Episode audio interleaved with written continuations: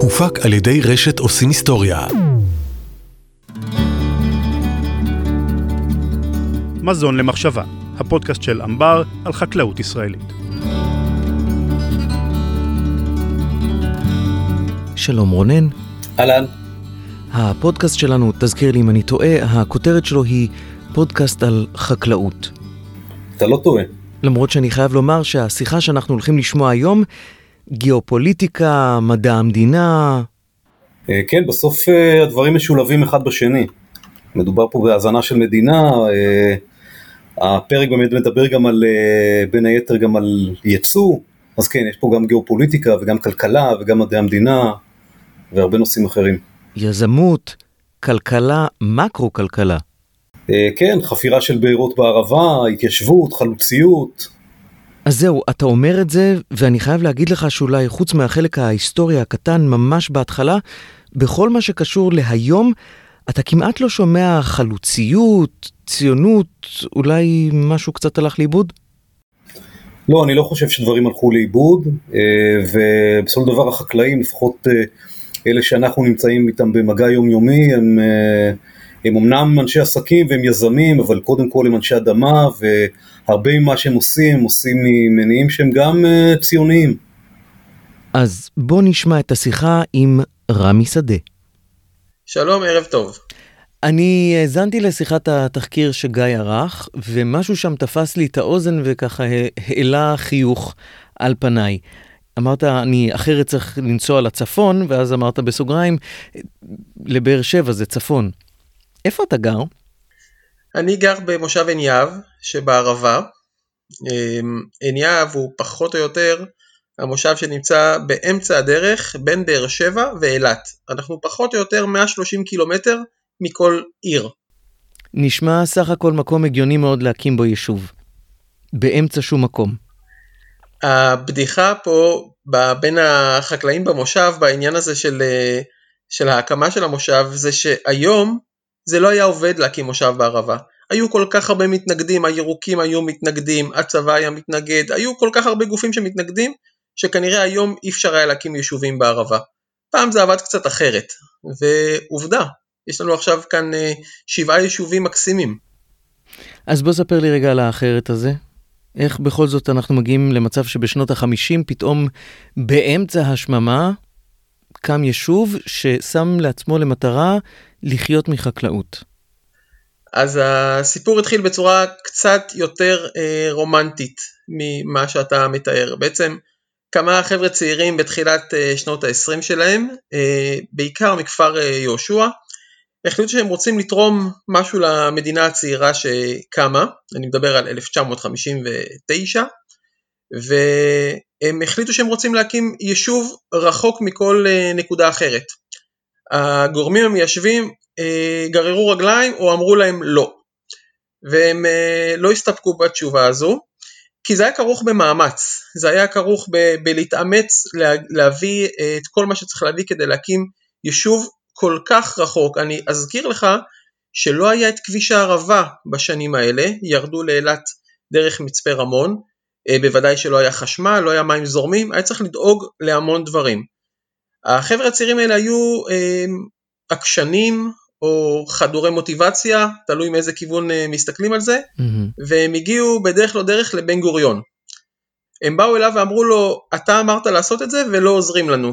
ובן גוריון נתן להם פתק, כתוב מה שנקרא צטלה אצל הפולנים, כתוב בכתב ידו, אה, שהוא מאשר להם להקים יישוב בערבה, ואיתו הם הלכו להסתדרות, ואיתו הם הלכו לצבא, והדלתות נפתחו, והם הקימו ב... מקום שהוא לא בדיוק איפה שניאב נמצא עכשיו, אלא כמה קילומטרים אה, דרומה, mm-hmm. איפה שיש עכשיו בסיס צבאי קטן, אה, נקודת יישוב קטנה שהייתה בהתחלה היאחזות נחל, אה, בשלב יותר מאוחר אזרחו את ההיאחזות נחל הזו, קראו לעצמם בהתחלה מושבוץ, שילוב של מושב וקיבוץ עם ערכים של קיבוץ, mm-hmm. ובסופו של דבר בשנות ה-60 המקום שאנחנו קוראים לו עכשיו עין יהב בעצם אה, הפך להיות מה שהוא, מושב עובדים. אה, ועוד לא דיברתי על החקלאות בסיפור הזה, אלא רק על ציונות, עוד לא הגענו לחקלאות. אז זהו, כי זה בדיוק מה שהולך, אה, זה, הובלת אותנו לשם בצורה נהדרת. אמ, עיקשות, אה, חיים של חקלאי זה, זה לא זבנג וגמרנו, זה להיות מאוד מאוד מחויב, מאוד מאוד עיקש, אבל רגע לפני זה, בוא נדבר על חקלאות בכלל, אה, אקסיומה שאני חושב שכל מאזין ומאזינה יודעים, בלי מים אין חקלאות. נכון, בלי מים אין חקלאות. אחת מהסיבות להגיע דווקא לנקודה הזו בעין יהב זה שהיה כאן אה, אה, מעיין, שהיה אפשר לקבל ממנו מים, אבל מהר מאוד לאחר שהחבר'ה הצעירים הגיעו לכאן, מקורות התחילו לשאוב אה, מים מאחת הבארות שבעצם חפרו באר בסביבה. אה, לאט לאט קמו עוד ועוד בארות, נכון להיום יש בין אילת לים המלח, זו בעצם הערבה שלנו, הערבה מתחילה בים המלח ונמשכת עד לאילת, יש בערך 60 בארות שמהם שואבים את המים, כשהמים, זה סיפור שעוד מעט נגיע אליו, זה אתגר אדיר בפני עצמו, אבל עוד אז הקימו את הבארות הראשונות, בארות שעדיין שואבים מהם, עדיין יש שם אה, מים, נכון שיש בעיות אחרות, האיכות פחות טובה, אבל עדיין שואבים מים, וזה בעצם אה, מקור החיים שלנו כאן. לערבה אין מים אחרים חוץ מהמי בארות. אין צינורות שמובילים מים לערבה כמו אה, מהמתפיל או כמו אה, ממתקני התפלה של חוף הים התיכון, אין. אנחנו בנויים רק על מים מתוך הערבה רק מי קידוחים, מי תהום. מה אתה מגדל? המשק שלי הוא לא משק טיפוסי בערבה. המשקים הטיפוסיים בערבה הם קצת אחרים. אני מגדל בעיקר תבלינים.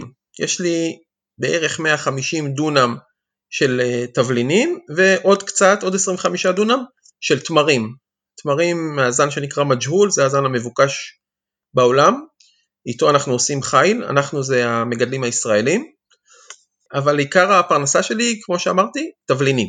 והם אוהבים מים. הם אוהבים מים, התמר בטח אוהב מים, התבלינים אוהבים מים. התבלינים הם בעצם אחד הגידולים אה, הכי לא סבירים לאזור שלנו, הם אה, מפונקים, הם בכלל גידולי חורף, אה, אבל אה, יש כאן את היתרונות משל, של, של המקום אה, בשביל התבלינים. אה, אנחנו נפתח טיפה יותר את היריעה של החקלאות בערבה לפני שנגיע לתבלינים, כדי. שבעצם נבין את, ה, את האתגרים שיש בגידול, וקודם כל את היתרונות שיש בגידול. אנחנו בעצם בערבה אה, מנצלים את אותו יתרון שעלו עליו המקימים, בעצם הם עלו על היתרון שיש במקום הזה, ואנחנו ממשיכים איתו, ואני אסביר. Mm-hmm. גידולי קיץ כמו פלפל, חציל, עגבנייה, אה, מלון, אבטיח, בשנות ה-60, 70, זה גידולים שהיה אפשר למצוא רק בקיץ. החקלאים הראשונים בערבה הבינו שעם החורף הנוח שיש בערבה, אפשר לגדל את גידולי הקיץ בחורף, בערבה. וזה בעצם הטריק או היתרון שהחקלאים הראשונים בערבה המקימים עלו עליו, שאפשר לגדל פלפל, עגבניה, חציל, מלון, אבטיח באמצע החורף ולשווק אותם. הם עשו את זה בשנות ה-60 ושנות ה-70 אה, בעיקר לארץ, ובעצם התפרנסו טוב מזה, כי לא היה מקור אחר לירקות האלה. לא היו חממות בשנים האלה, גידלו רק בשטח פתוח, ובמרכז ובצפון אי אפשר לגדל גידולי קיץ באמצע החורף בשטח פתוח. המקום היחיד שזה התאפשר בו זו ערבה. זה נתן את היתרון הגדול. קיץ כל השנה, זאת אומרת קיץ, קיץ, קיץ חזק בקיץ, וקיץ, קיץ בחורף. אם אה, תבוא למושב לענייה, ואתה תראה שיש שלט גדול בכניסה למושב, ארץ הקיץ הנצחי. יש כאן קיץ אה, כל השנה. קיץ יותר קשוח, פחות קשוח, אבל כל השנה. לצורך העניין, הממוצע המשקעים הרב שנתי שלנו הוא 30 מילימטר בשנה. זה כלום. במרכז זה יכול להגיע ביום. אצלנו זה, זה, זה ממש הממוצע. כלום. אז זה מחזיר אותי חזרה למים. אם המשקעים שלכם הם 30 מילימטר בשנה, אמ, אני חושב שלגדל צרור של בזיליקום, אה, בעצם אחד, בעצם שותה את כל הכמות הזאת. אנחנו לא בונים על הגשם בשום uh, צורה. אם הוא מגיע, הוא מגיע, אם מגיע, הוא לא מגיע. הרבה פעמים כשהוא מגיע הוא עושה uh, נזקים. אנחנו בונים על המים שמגיעים מההרים כשיטפונות. אנחנו תופסים את המים האלה, או אוגרים אותם, ומשתמשים בהם לחקלאות, אבל לא בונים על הגשם, בשונה משאר הארץ, לא בונים עליו בכלל. המקור היחיד למים, כמו שציינתי קודם, זה המי תהום, רק עליהם אנחנו בונים. הגשם, אם הוא מגיע ואם לא, זה יכול להיות רק בונוס. נראה לי שהמים, נראה לי שהמים שאתם uh, משתמשים בהם אם כך, הם באיכות אחרת ממה שאמרת, המתפיל, המוביל. כן, המים שלנו, נתחיל מזה שלא חסרים לנו מים. בערבה יש המון המון מים, בדרך כלל לא חסר לנו, גם בתקופה של החוסר מים במדינת ישראל והדוגמנית עם הפנים המתקלפים בטלוויזיה, mm-hmm. כשאתם אה, נקראתם לחסוך במים ולהתקלח פחות זמן, כאן המשכנו להשקות את הדשאים שלנו. והסיבה לזה זה שזה לא, חס, לא חסרים לנו מים בתוך הקרקע, יש המון מים בתוך הקרקע, אבל כן יש שני אה, חסרונות מאוד גדולים או שתי בעיות. הבעיה הראשונה, שכדי להוציא את המים האלה מהקרקע צריך לקדוח לעומקים לא רגילים. בערבה שואבים את המים מעומקים של בין 200 ל-1600 מטר. בין 200 ל-1600 מטר, זה מאוד עמוק וואו. בהשוואה למדינות אחרות. אפילו, עזוב אותך מדינות אחרות, אפילו מי שגר באזור החוף, גם כן, שם זה, זה קידוחים שטוחים יותר. בהחלט. השכנים שלנו מוצאים נפט בעובקים אה, פחותים מאלה, זה הבעיה הראשונה, אבל זו בעיה שאפשר להתמודד איתה, זה רק עולה יותר כסף, וזה משהו שמדינה יכולה להסתדר איתו. מדינה יכולה להוציא עוד כסף על, אה, על, על לקדוח אה, באר עמוקה יותר. הבעיה השנייה, שהיא האקוטית, היא בעצם איכות מהשקיה, כיוון שאנחנו מדברים רק על מים מליחים. אין לנו קידוחים של מים ראויים לשתייה, יש לנו רק מים מליחים. זה אומר שכדי לשתות את המים האלה, צריך להתפיל אותם. נכון, mm. בשנים הראשונות הוותיקים שלנו שתו את המים האלה, כי זה מה שהיה, אבל כבר פחות או יותר ב-20 שנים האחרונות, משרד הבריאות החליט שלשתות כל כך הרבה מלח זה לא טוב לגוף שלנו, והוא אסר את זה, mm-hmm. ומאז בכל מושב יש, או כל יישוב יש מתקן התפלה קטן, שמספק מים מותפלים רק לבתים ורק לשתייה, לא לגינות ולא לחקלאות. בעצם לבית שלי מגיעים שני צינורות, מגיע צינור של מים מותפלים וצינור של מים מליחים, לשימושי, לשימושים שלא חייבים uh, להשתמש בהם, שם אנחנו משתמשים במליחים. אז זהו, אז מצד אחד אתה מתאר את זה שהקרינה, השמש, מזג האוויר עושים רק טוב לצמחים, מצד שני, אה, בזיליקום לא אמור לשתות אה, מים מליחים. כן, הצמחים שלנו אה, סובלים מסטרס, מעקה, הם תמיד בעקה, כי הם תמיד מושקים במים אה, מליחים, לפעמים כשיש כל מיני בעיות, גם בעיות בהשקעה וגם בעיות אחרות, המלח מצטבר באזור השורשים ואז הצמח סובל עוד יותר. ישנם גידולים שיודעים להתמודד עם זה יחסית טוב כמו תמר, גם הוא לא אוהב את המים המליחים אבל הוא יודע להתמודד עם זה יותר טוב, וישנם גידולים מפונקים שזה מאוד קשה להם, כמו התבלינים שלי או אפילו הפלפל, גם הוא לא מת על מים מליחים. בעצם אנחנו משקים עם המים המליחים כמו שהם, אבל אנחנו חייבים לנטר כל הזמן את ריכוז המלח באזור השורשים, כי בעצם הצמח משתמש במים, אבל הוא לא משתמש במלח, והמלח הולך ומצטבר באזור השורשים. Mm-hmm. אם אתה לא uh, מנטר את ריכוז המלח, מתישהו אתה תופתע, מתישהו תראה שהצמח מצהיב ולפעמים גם מת. אנחנו לא מגיעים לזה, אנחנו מנטרים במשק שלי כל שבוע, אני בודק בכל חממה את ריכוז המלח בשורשים, וכשהוא עולה מערך, מעל הערך שקבעתי לעצמי, אני פשוט מדיח את המלח אל תוך הקרקע במהלך הלילה, אני משקה עם המון מים, ופשוט שוטף את המלח פנימה, מדיח אותו חזרה אל תוך המי תהום. אז אתה זרקת קודם את העניין שאמרת, מאוד נדיר למצוא אה, תבלינים, מסבי טיבול בערבה. למה אתה עושה את זה? אתה מזוכיסט? Um, הסיבה לזה הולכת קצת אחורה למה שנקרא המשבר של הפלפל. Mm-hmm. בערבה גידלו עד לפני כמה שנים בעיקר בעיקר בעיקר פלפל, היום עדיין מגדלים בעיקר פלפל, אבל היריעה uh, נפרסה קצת יותר, יש פחות פלפל מפעם, אבל עדיין פלפל זה הגידול המרכזי בערבה, ישנם כמה סיבות ללמה uh, מגדלים אותו, רק שבשנים האחרונות הוא חווה משבר הולך ומעמיק, כשהפיק הגדול ששינה לנו את ההסתכלות היה בכלל מסיבות אחרות שלא קשורות אלינו. אני רוצה להזכיר לך שלפני בערך שבע שנים mm-hmm. הרוסים פלשו לאוקראינה. באמת לא קשור אלינו, לנו יש מספיק בעיות משלנו. אה, כתוצאה מהפלישה של הרוסים לאוקראינה, האירופאים והאמריקאים החליטו שהם מחרימים את הרוסים. הרוסים החליטו שהם מחרימים בחזרה. קודם כל באותה שנה הרובל קרס, ובעצם הרוסים שקנו הרבה פלפל מאיתנו לא יכלו לשלם עבורו. והרבה חקלאים בערבה נותרו בסוף העונה עם אה, חובות גדולים, ובעצם לא הצליחו לגמור את העונה, הפסידו הרבה כסף, ואז ירדו המון אסימונים בערבה, שאי אפשר להמשיך עם המצב הזה שבו אה, אנחנו מגדלים כולנו, או רובנו, הרוב המכריע שלנו, גידול אחד שמופנה לשוק עיקרי. אה, כשהרוסים החליטו שהם מחרימים בחזרה את האירופאים, פוטין הכריז שהוא לא קונה תוצרת אה, חקלאית מאירופה יותר, כי הם מחרימים אותו. אז את הפלפל שהוא קנה לפני זה בעיקר בספרד, הספרדים באלמריה מתחרים בערבה, אנחנו משווקים פלפל באותם זמנים, הוא החליט שהוא לא קונה מהם, הוא קונה מאיתנו במקום. אז הפלפל הספרדי נשאר באירופה, ושלנו בהיקפים הרבה יותר גדולים התחיל לעשות את דרכו לרוסיה.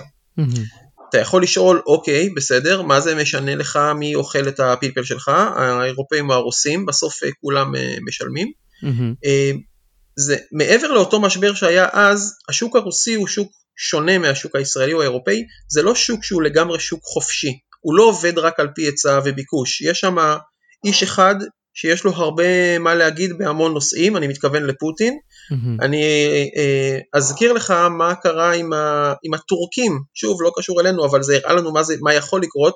כשהטורקים הפילו לרוסים אה, מטוס בסוריה, פוטין סגר מיד את התיירות ואת החקלאות מטורקיה. Mm-hmm. מגדלי הדרים או מגדלי מלפונים בטורקיה פשטו רגל, כי הם בנו על השוק הזה.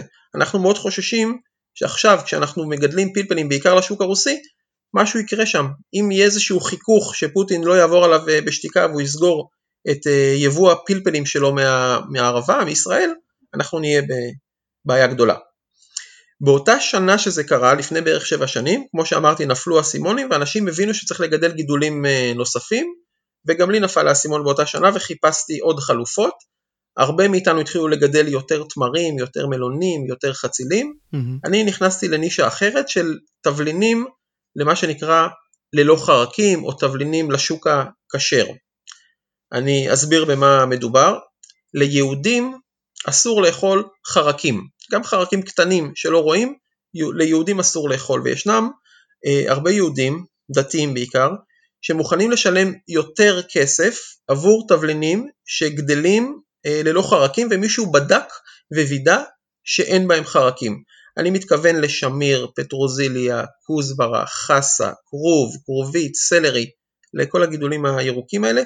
היהודים הדתיים מוכנים לשלם אה, יותר. Mm-hmm. לפני שנים קם בגוש קטיף, מה שנקרא ירק גוש קטיף, בעצם החברים בגוש קטיף אה, התחילו לגדל את הגידולים האלה שהיו עד אז בשטח פתוח בתוך מבנים אטומים לחרקים, ובעצם משגיחי כשרות וידאו שאין חרקים, זה מה שקורה אצלי.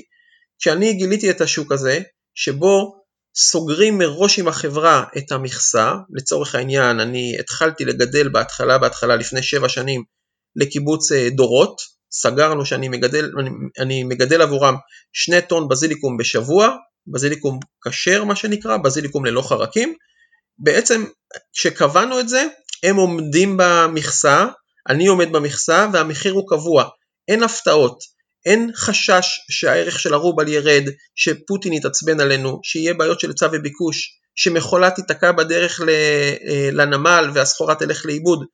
יש הרבה יותר אה, שקט נפשי בזה שאני יודע שאני אה, אקבל את הכסף עבור הסחורה במידה והיא תהיה נקייה מחרקים, מה שלא קורה בירקות אחרים. רמי, אני יכול אה, לבקש ממך בקשה אישית? בהחלט. קח נשימה עמוקה ותענה לי על השאלה הבאה. או להיגד הבא.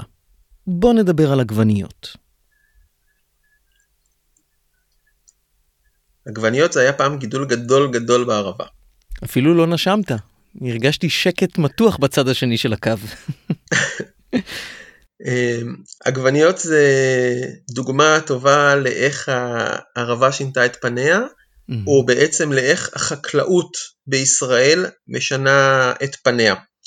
אה, ואני אסביר. פעם בערבה גדלו הרבה עגבניות לשוק הייצוא ולשוק הישראלי, מהמם. והרבה פרחים והרבה uh, תבלינים uh, לייצוא. היום uh, אין כבר ייצוא של עגבניות מישראל כמעט, טיפונת, כמעט ואין ייצוא של עגבניות, גם פרחים כתופים כמעט שאין, והמגדלים האחרונים של, החצ... של התבלינים uh, נאבקים. הסיבה לזה היא שהגידולים האלה שהזכרתי בעצם עברו מישראל, כמו ממדינות אחרות, לאפריקה, איפה שיש כוח אדם זול. אמ, ובעצם אנחנו נאלצים למצוא פתרונות אחרים. כדי לסבר את האוזן, שוב, זה, זה בעצם גם אה, אה, יענה על התשובה למה אנחנו מגדלים בעיקר פלפל ולא דברים אחרים. מהמם. אמ, זה שולח אותנו לכיוונים שונים בחקלאות, שוב, קצת לכלכלה וקצת לפוליטיקה. בכל מדינה מערבית בעולם, אם ניקח את, אה, את הגוש האירופאי או את ארצות הברית או, או אה, מדינות כאלה, מי שעובד בחקלאות ממש בחממה, מי שקוטף, אלו לא העובדים המקומיים, אלא עובדים שמגיעים ממדינות אחרות. אצל האירופאים זה או הפליטים הסורים, או הטורקים, או המזרח אירופאים, פולנים, רומנים, אצל האמריקאים זה המקסיקנים, במקרה של ישראל אלו התאילנדים.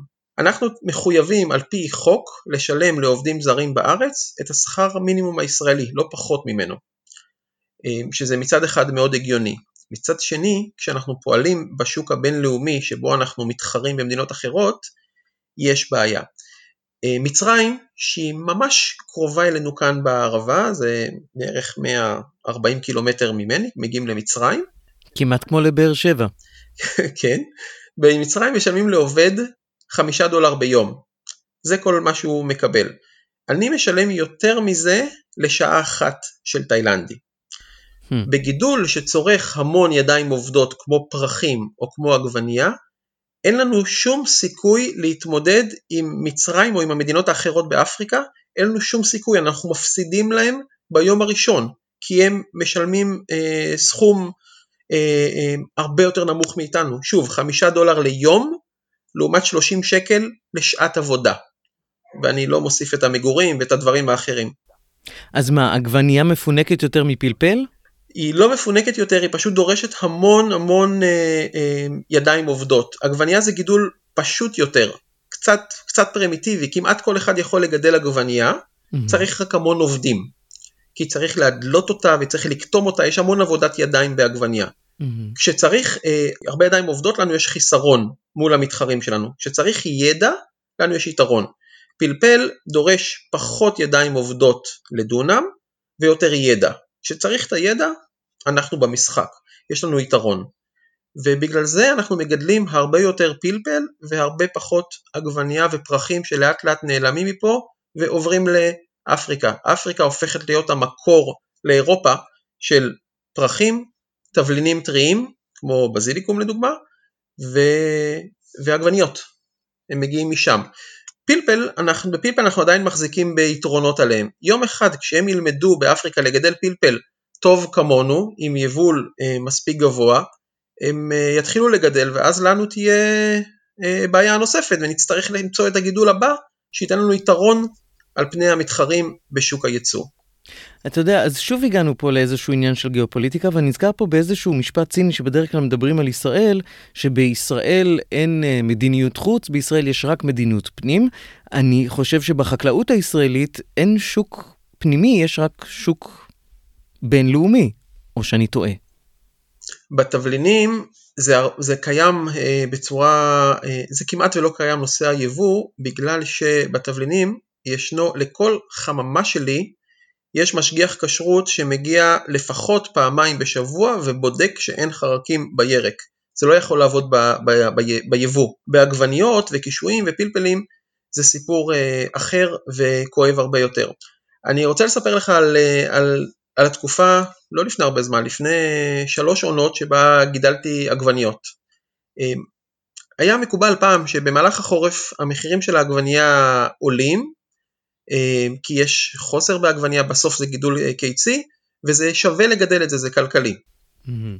לפני שלוש שנים באמת שתלתי עגבניות, עשרה דונם, וזה גידול, זה גידול מאוד מאוד כיפי, מאוד מרגש, אתה, אתה רואה את הצמח גדל לך מול העיניים, אתה מדבר עם הצמחים בבוקר, זה אחד הגידולים הכי כיפים לגדל בהם, מתאהבים בגידול הזה. והתחילה העונה והכל היה ככה פחות או יותר בסדר, כתבתי, זה לא הרוויח הרבה, ואז הגיע חודש אה, פברואר שבו אמורים להיות מחירים טובים אבל המחירים היו אה, נמוכים. לשלוח בעצם, אם אני לא מוריד את עלות הגידול אלא רק לקטוף, לשים את העגבנייה בקרטון ולשלוח אותה אל מרכז הארץ, עולה לי שקל וחצי לקילו. זה בעצם מה שעולה לי רק כדי שהיא תעזוב את עיניה ותלך לשוק הסיטונאי. המחירים לחקלאי, שהם מאוד שונים מהמחירים בסופר, הגיעו בפברואר לשקל וחצי, אז בעצם לא היה כלכלי לי לקטוף את העגבניות האלה, כי בעצם זה היה, זה נגמר באפס, עדיף שהעובדים עשו משהו אחר. אז הפסקתי לקטוף, אלה היו עגבניות עם חיי מדף טובים, אפשר היה להפסיק לקטוף ושלא יקרה כלום, וציפיתי בכיליון עיניים לפסח שיבוא, כי כשמגיע פסח במרץ, בדרך כלל המחירים עולים כי יש חוסר, כי קונים הרבה, ואז התחיל, התחיל היבוא מטורקיה של עגבניות. ועוד ועוד, ובעצם אמרתי, רגע, המחיר לא עולה, הוא לא מגיע לסף שבו שווה לי לקטוף, אני צריך שהמחיר לחקלאי יהיה קצת יותר משקל וחצי, כדי שיהיה לי שווה לקטוף את העגבנייה. והמחיר לי המשיך להיות שקל וחצי, המחיר בסופר היה, אני לא זוכר, באזור ה-4-5 שקלים, המשיך, הרשתות המשיכו לייבא מטורקיה, ואני לא כתבתי את העגבניות. הגעתי לסוף אה, פסח, היה כבר בערך 30 טון עגבנייה על השיחים, סגרתי את המים והתחייבתי בפני עצמי שאני אף פעם לא אגדל יותר עגבנייה לשוק הישראלי. אני לא, כי אני, זה גידול שהוא עולה כל כך הרבה בגלל ה, שיש כל כך הרבה ידיים עובדות בסיפור הזה, ובסוף זה מגיע מטורקיה. אז uh, שמתי לעצמי, הבטחתי לעצמי ובינתיים אני עומד בזה. כשאתה אומר שנייה אחת, אני סוגר את המים, מה בעצם קרה לעגבניות? הם אה, התרככו ונרכבו ועקרנו את הצמחים אחר כך. 30 טון עגבניות. זה לא, זה לא מחזה, זה לא מחזה ש, שקל לראות אותו. זה עצוב, אתה חושב על כל האנרגיה שהשקעת בשדה הזה, על, ה, על הכסף לעובדים, על זה שבאת כל יום לשדה לראות את זה, ואתה אומר, איך יכול להיות שמצד אחד בסופר זה 4-5 שקלים, ומצד אחד אני עוקר את זה. גם הצרכנים משלמים הרבה וגם אני עוקר. איך יכול להיות שזה חייב להיות כשל שוק, זה לא יכול להיות שוק הגיוני שבו אני זורק ואתה משלם הרבה, זה לא יכול להיות הגיוני, אבל זה ממשיך, זה ממשיך כי ישנם המון אינטרסים אחרים בסיפור. אמ, שווה לרשתות לייבא והם אה, מייבאים. אמ, בואו ניקח אה, תפוחי עץ לדוגמה. תפוחי עץ זה, זה פרי אה, יקר, הרשתות מייבאות מארצות הברית, מקנדה, מארגנטינה, תפוחים לארץ, בלי שאתה יודע, אתה קונה את התפוחים האלה, הרי אין שלט מתחת כמו באירופה שאומר לך מה המקור של התפוח, mm-hmm. אתה קונה את התפוח הזה באותו מחיר של התפוח הישראלי, ו... והרשת גוזרת קופון יותר אה, גדול. אתה אמרת שהסיפור הזה של העגבניות קרה לפני שלוש שנים? כן. ומבחינת הרגש עצמו זה נשמע כאילו זה קרה אתמול. נכון, זה משהו שיושב לך. זה, וזה לא ברמה של הכסף, זה, זה ברמה הרגשית. זה משהו שאתה לא מצליח אה, להבין אותו, איך יש משהו שאתה עובד כל כך עבורו ו, ובסוף הוא לא שווה כלום לאף אחד. עלבון? במידה מסוימת, כי אני מצפה מהמדינה ליותר. זה לא יכול להיות שזה יימשך ככה, זה לא יכול להיות, אנחנו, מספר החקלאים לאט לאט יורד, השטחים מצטמצמים, יש פחות ופחות חקלאות בארץ. לצורך העניין פירות וירקות זה אחד הגידולים הבודדים שבו אתה מייצר משהו שאין לך אה, שליטה על המחיר שבו יימכר.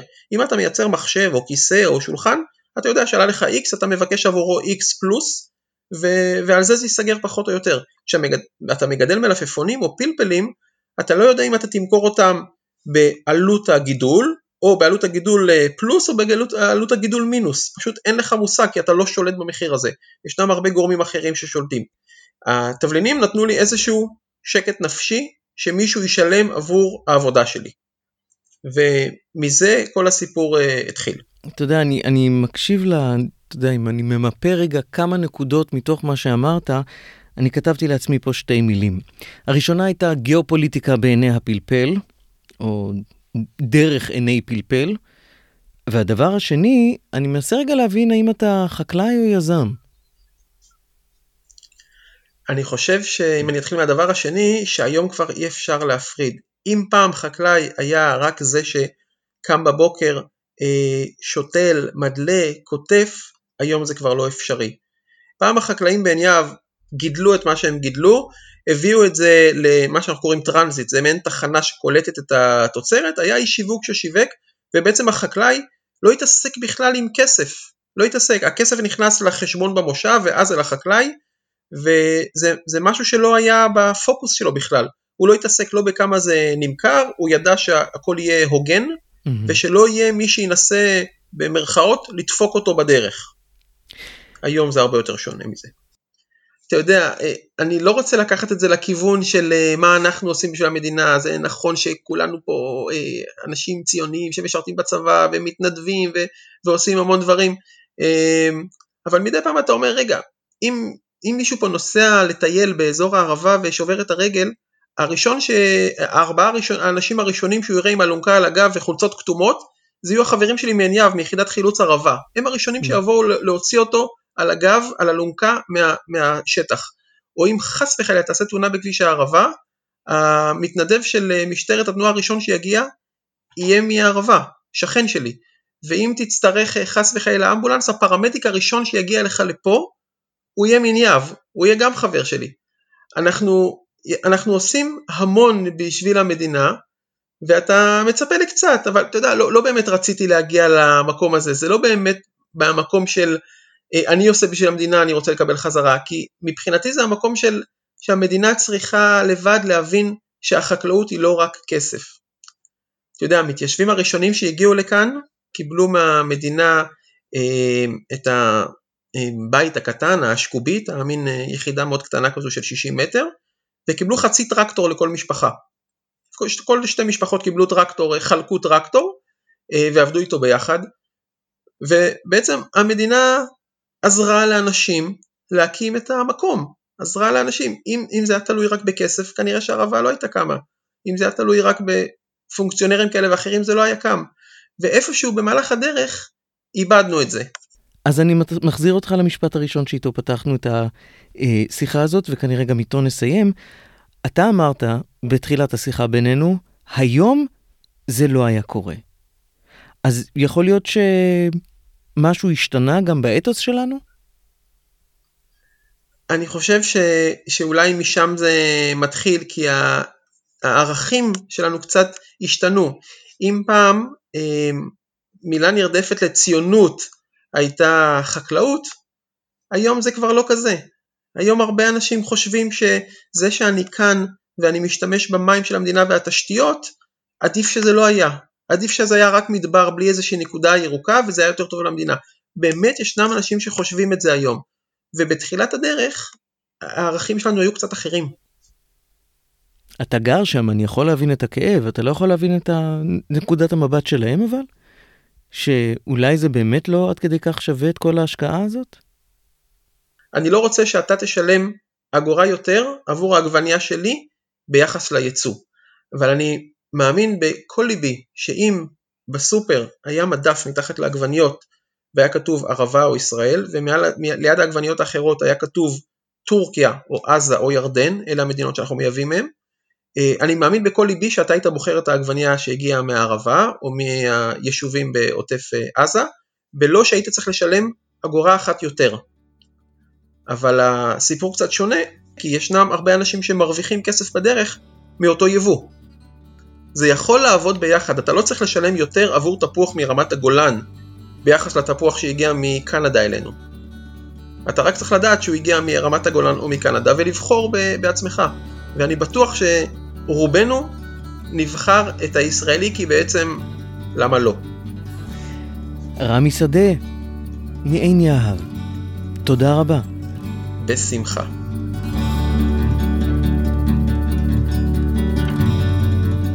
רונן, אני מוכן לעמוד על טעותי.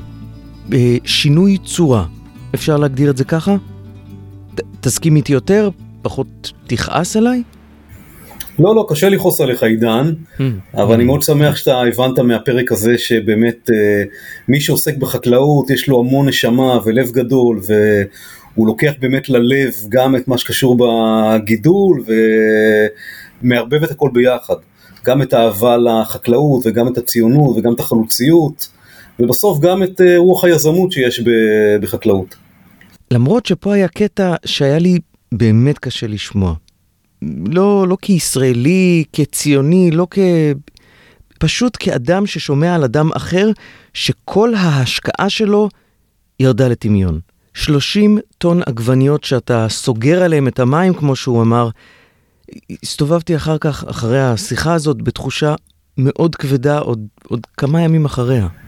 חקלאים נחשפים לזה לא מעט והערבה היא בעצם מקרה שבו במהלך השנים בכלל היו הרבה מאוד שינויים של גידולים וחקלאים שגידלו למשל פלפל בסוף העשור שהסתיים ב-2010 אולי, בשנים, אולי בכמה שנים שאחרי עשו shifting מאוד משמעותי מגידול של פלפלים לגידול של, לגידולים אחרים וחלק מהחקלאים גם הגיעו לסיטואציות כלכליות לא פשוטות בגלל אותם שינויים גיאופוליטיים ושינויים כלכליים שדיברת עליהם אה, לפני הפרק ובחלק מהמקרים אה, חקלאים כן משמידים סחורה כי אין להם ברירה.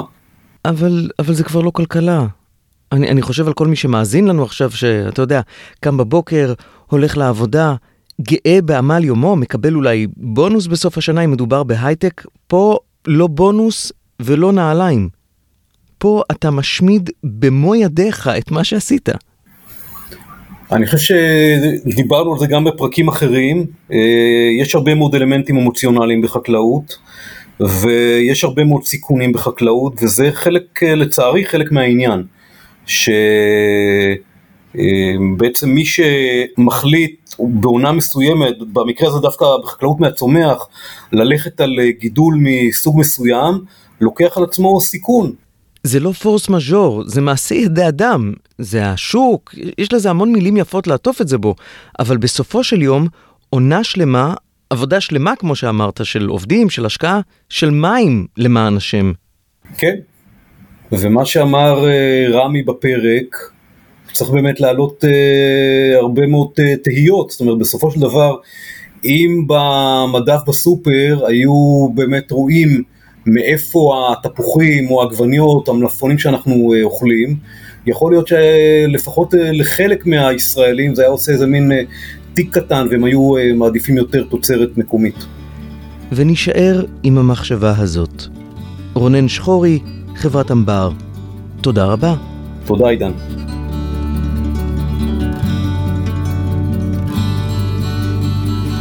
מזון למחשבה, הפודקאסט של אמבר על חקלאות ישראלית.